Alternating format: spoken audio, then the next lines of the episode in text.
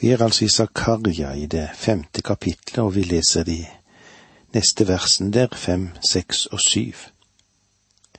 Engelen som talte med meg, kom fram og sa til meg, løft nå øynene og se hva som kommer fram der. Jeg spurte hva er det? Han svarte det som kommer fram der, er et efamål. Så sa han, dette er det en kan se i hele landet.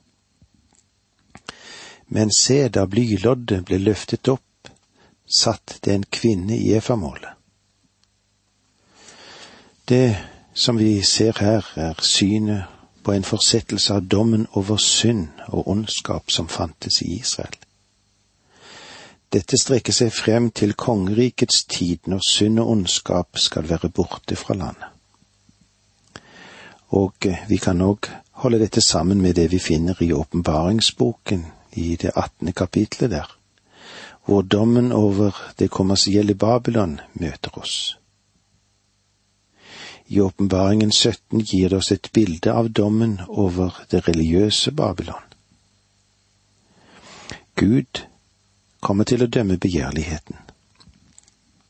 Hans bud er du skal ikke begjære og Gud vil dømme den grådighet som er knyttet til hele vår materialisme. Det blyloddet som omtales her, var et talent, og det største vektmålet, det var det som ble brukt.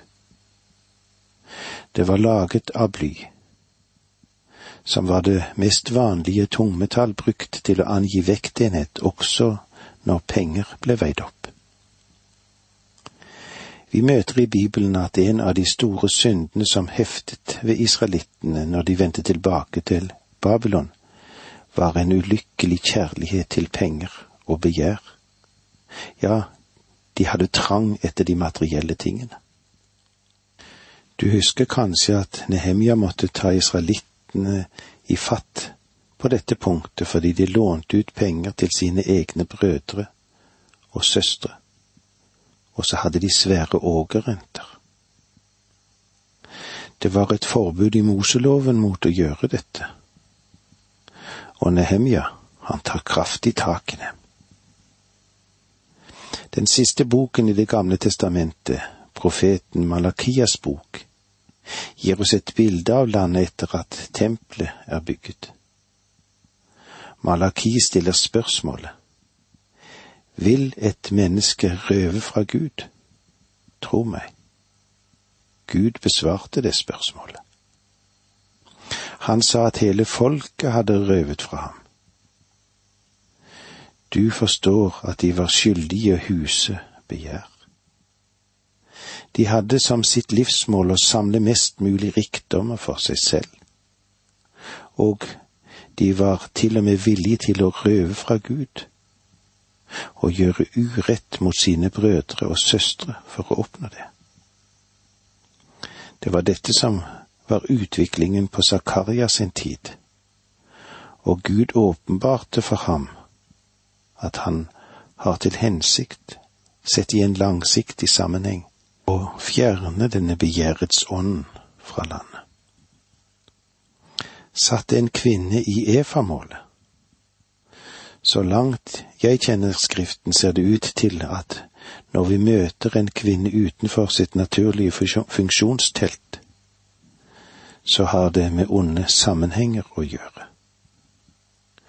For eksempel tenk på kvinnen i Jesu lignelse i Matteus 33, som la surdeig i melet. Surdeigen representerte det onde og det onde surdeig er et prinsipp gjennom hele Guds ord. Og eh, når Bibelen gir oss et bilde av en kvinne i religionssammenheng, slik som menigheten i Tyatira, som hadde kvinnen Jesabel, som kaller seg selv en profetinne, det kan du si i Åpenbaringen 22, og den store skjøge i Åpenbaringen 17 så representerer de også de onde. I Zakarias sitt syn representerer kvinnen i Israel folket som er oppslukt av materialisme. Gud ønsker å velsigne dem, men deres forferdelige og syndige begjær må han gripe tak i først. I vers åtte her i kapittel fem leser vi slik. Dette er ondskapen, sa han. Så kastet han henne tilbake i efamålet og la blystein over åpningen. Denne kvinnen har skjult seg i efamålet hele tiden, men nå, når tiden er kommet til det kommersielle Babylon, skal det fjernes. Det skal ødelegges. Så prøver kvinnen å flykte fra situasjonen, fordi hun ikke vil bli revet bort og dele nasjonens skjebne. Derfor prøver hun å fly, men blir grepet og kastet tilbake. Vers 9 Jeg løftet øynene og fikk se to kvinner som kom fram. Vind fylte deres vinger, for de var som storkevinger. De løftet efamålet opp mellom himmel og jord. Hva representerer disse to kvinnene? Vel, jeg går ut fra at de kan representere onde medhjelpere, fordi de er knyttet til og beskytter kvinnen i effamål. Og engelen hadde sagt om henne, dette er ondskapen. Vingene deres var som storkevinger, det vil si at det var noen kraftige vinger. I Bibelen er storken ikke et bilde på en engel vi må merke oss at storken tilhørte de urene fuglene. Vers ti og elleve. Da spurte jeg engelen som talte med meg, hvor skal de med efamålet? Han svarte, de skal til, til Sinarland og bygge et hus der for henne. Når det er ferdig, skal hun settes ned der på sin plass. Gud fører den gudløse og den hjerteløse kommersialismen ut av landet. Nå vil jeg vi skal feste oss ved noe her, noe spesielt. Israelsfolket var opprinnelig et buskaps- og jordbruksfolk, og det meste av Moseloven har å gjøre med denne livsstilen som israelittene hadde. Den gir forordninger angående selve landet forordninger for vingårdene, for korn og for buskapen og alle ting som er omkring dette. I våre dager har mange av jødene som har vendt tilbake til sitt land, i stor grad vendt tilbake til jorden. Men da de ble fordrevet fra landet, gikk de inn i handel og finansiering. Delvis fordi jøder ikke fikk lov til å eie eller forpakte jord i de land som de ble fordrevet til. Da de var i fangenskap i Babylon, lærte de forretningsvirksomhet, og det lærte de fra hedningene. Og de ble noen gode forretningsmenn, og de økte sin kjærlighet til rikdom, som de så blant hedningene i Babylon. La meg igjen få lov til å henvise til åpenbaringsboken der i kapittel 18, hvor det fortelles at Gud vil dømme det kommersielle i Babylon før opprettelsen av sitt rike. Faktisk vil han kvitte seg med det. Når vi ser på Bibelen, så er den en ganske revolusjonær bok, det. Som kan være noe av grunnen til at mange mennesker ikke liker den. Får jeg lov til å minne dere om det som sies en god del mer i Bibelen til fordel for det fattige mennesket enn for det rike. I Jakobs sitt brev finner vi denne barske uttalelsen. Og nå, dere rike, gråt og klag over all den ulykke som skal komme over dere. Rikdommen deres råtner, og klærne blir møllspist. Gullet og sølvet ruster bort. Rusten skal vitne mot dere og fortære kroppen deres som ild. Dere har brukt endetiden til å samle rikdom, står det i Jakobs sitt brev i femte kapittel vers én til tre. Han taler mot det å samle seg rikdom bare for å samle den. Og så fortsetter han, men hør, den lønn dere holdt igjen for arbeiderne som skar åkrene deres, roper høyt, og høstfolkenes nødrop har nådd frem til Herren Sebaot, står det i vers fire. Jeg skal undre meg på hva Gud har å si om denne veldige konsentrasjonen om kapital og kommersialisme i våre samfunn. Dette kommer ikke til å inngå som en del av Guds rike her på jord. Her er noe Gud vil dømme og bli kvitt. Om det noensinne har vært en revolusjonær bok, så er det denne boken, Guds ord. Den brenner vel som ild i mange begjærlige menneskers hender. Ja, hvordan tror du det er? Det var iallfall dette vi fikk ta med oss i dag. Takk for nå, må Gud være med deg. Dette undervisningsprogrammet består av to deler. Åge Nevland fortsetter nå med andre del av dagens undervisning. Vi er i profeten Zakaria. Vi har fått lov å være vitne til hvordan kvinnen i Effamålet hadde det, og hva som vil møte både kvinnen og oss. Vi leser sammen versene ti og elleve i kapittel fem.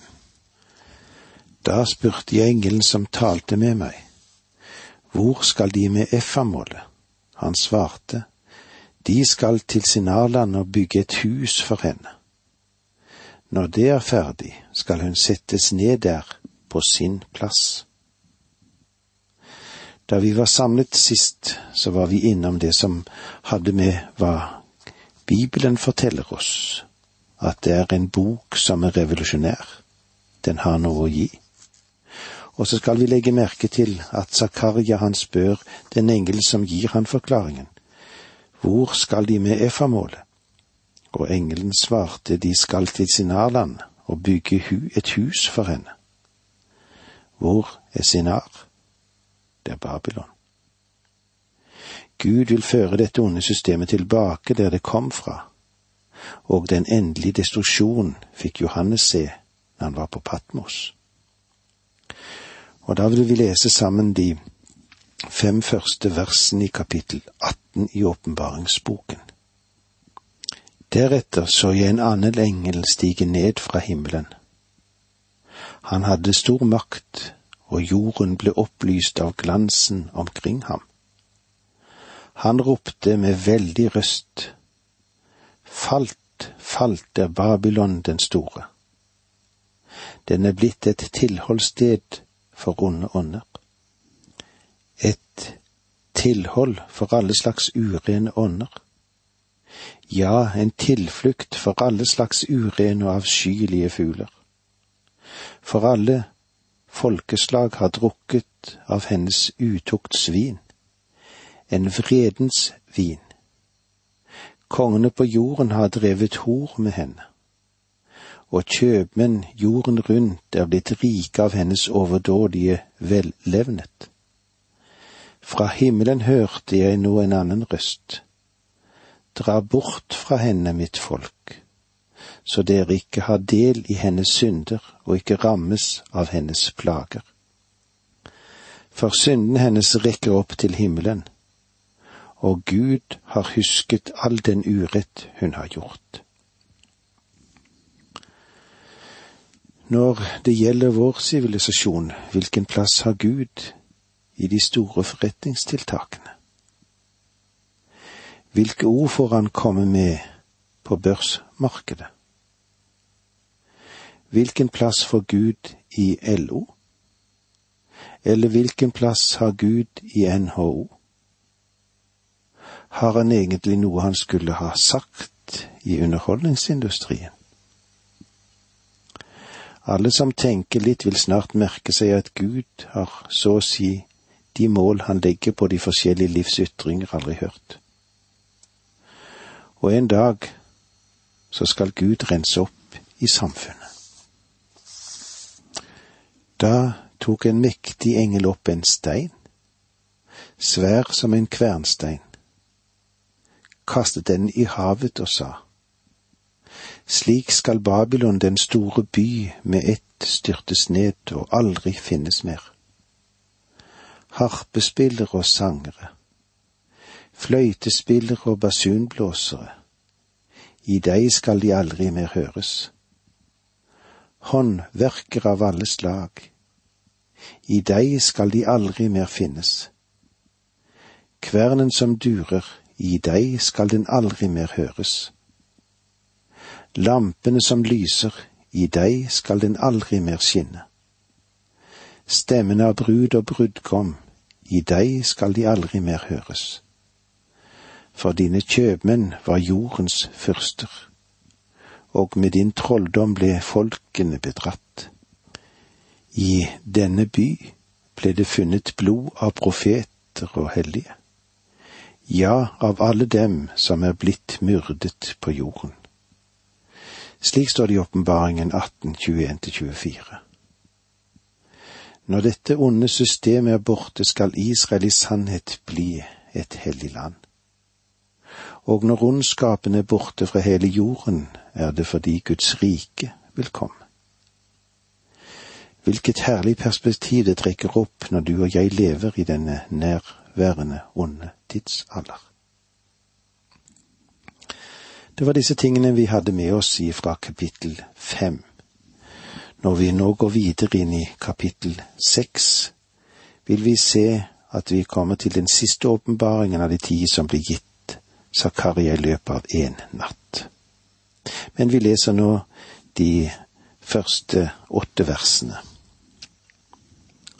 Så løftet jeg øynene igjen og fikk se fire vogner som kom fram mellom to fjell, og fjellene var av kobber.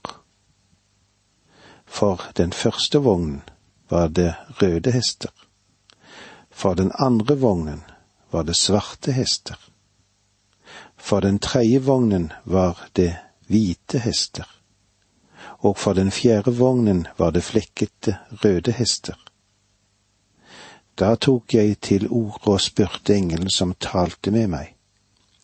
Hva betyr disse, Herre?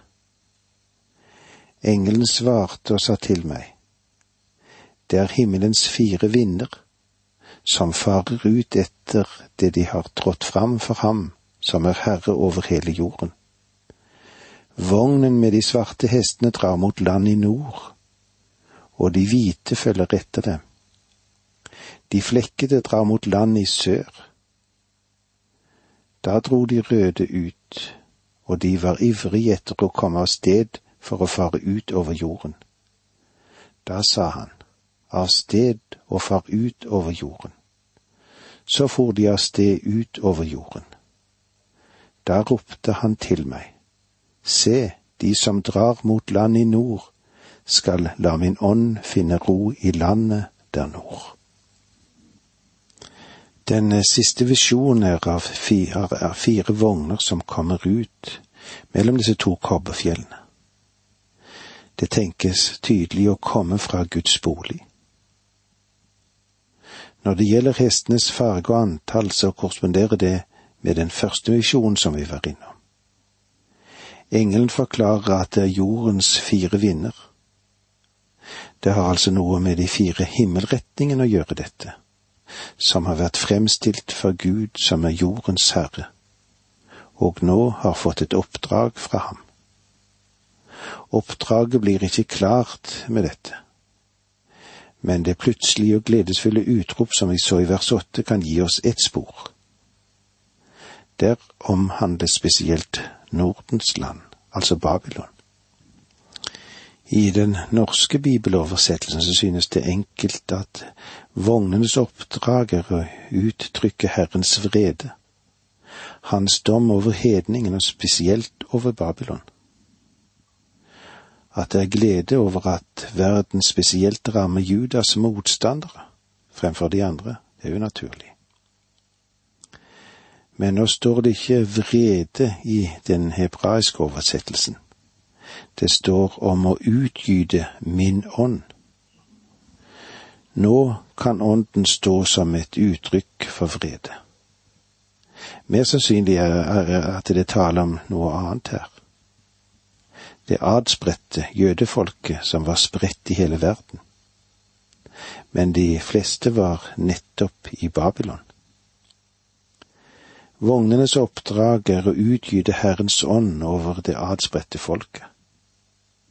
Dermed går denne visjonen naturlig inn i hele rekken. Det er tale om en forberedelse for frelsestiden, som i så mange av de andre visjonene. Når Herrens ånd kommer over dem, vil de vende tilbake til hjemlandet, og tiden er inne. En kan også tenke seg at det kan være andre måter å se dette på, andre løsninger. Nemlig at Herrens ånd kommer over hedning til dom og samtidig vekker jødene til hjemreise. Profeten har tidligere oppfordret jødene til å vende tilbake før dommen rammer Babylon. La oss igjen se på vers én i kapittel seks. Så løftet jeg øynene igjen og fikk se fire vogner som kom fram mellom to fjell, og fjellene var av kobber. For at vi skal få en sammenhengende bakgrunn, la meg få lov å nevne på nytt. Rytteren under myrtetrærne, de fire horn,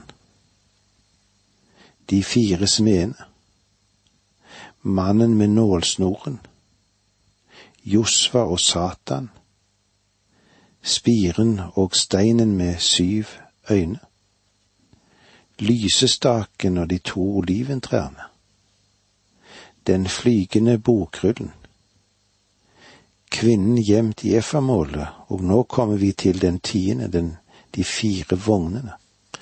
La meg igjen få lov til å gjenta at noen fortolkere ser bare åtte syner i denne serien. Men jeg tror det er fullt forsvarlig å se synene som har blitt gitt oss i titallet. Synet med de fire vognene. Og det vil vi komme mer inn på igjen når vi møtes neste gang, og det var så langt vi kom i dag. Takk for nå, må Gud være med deg.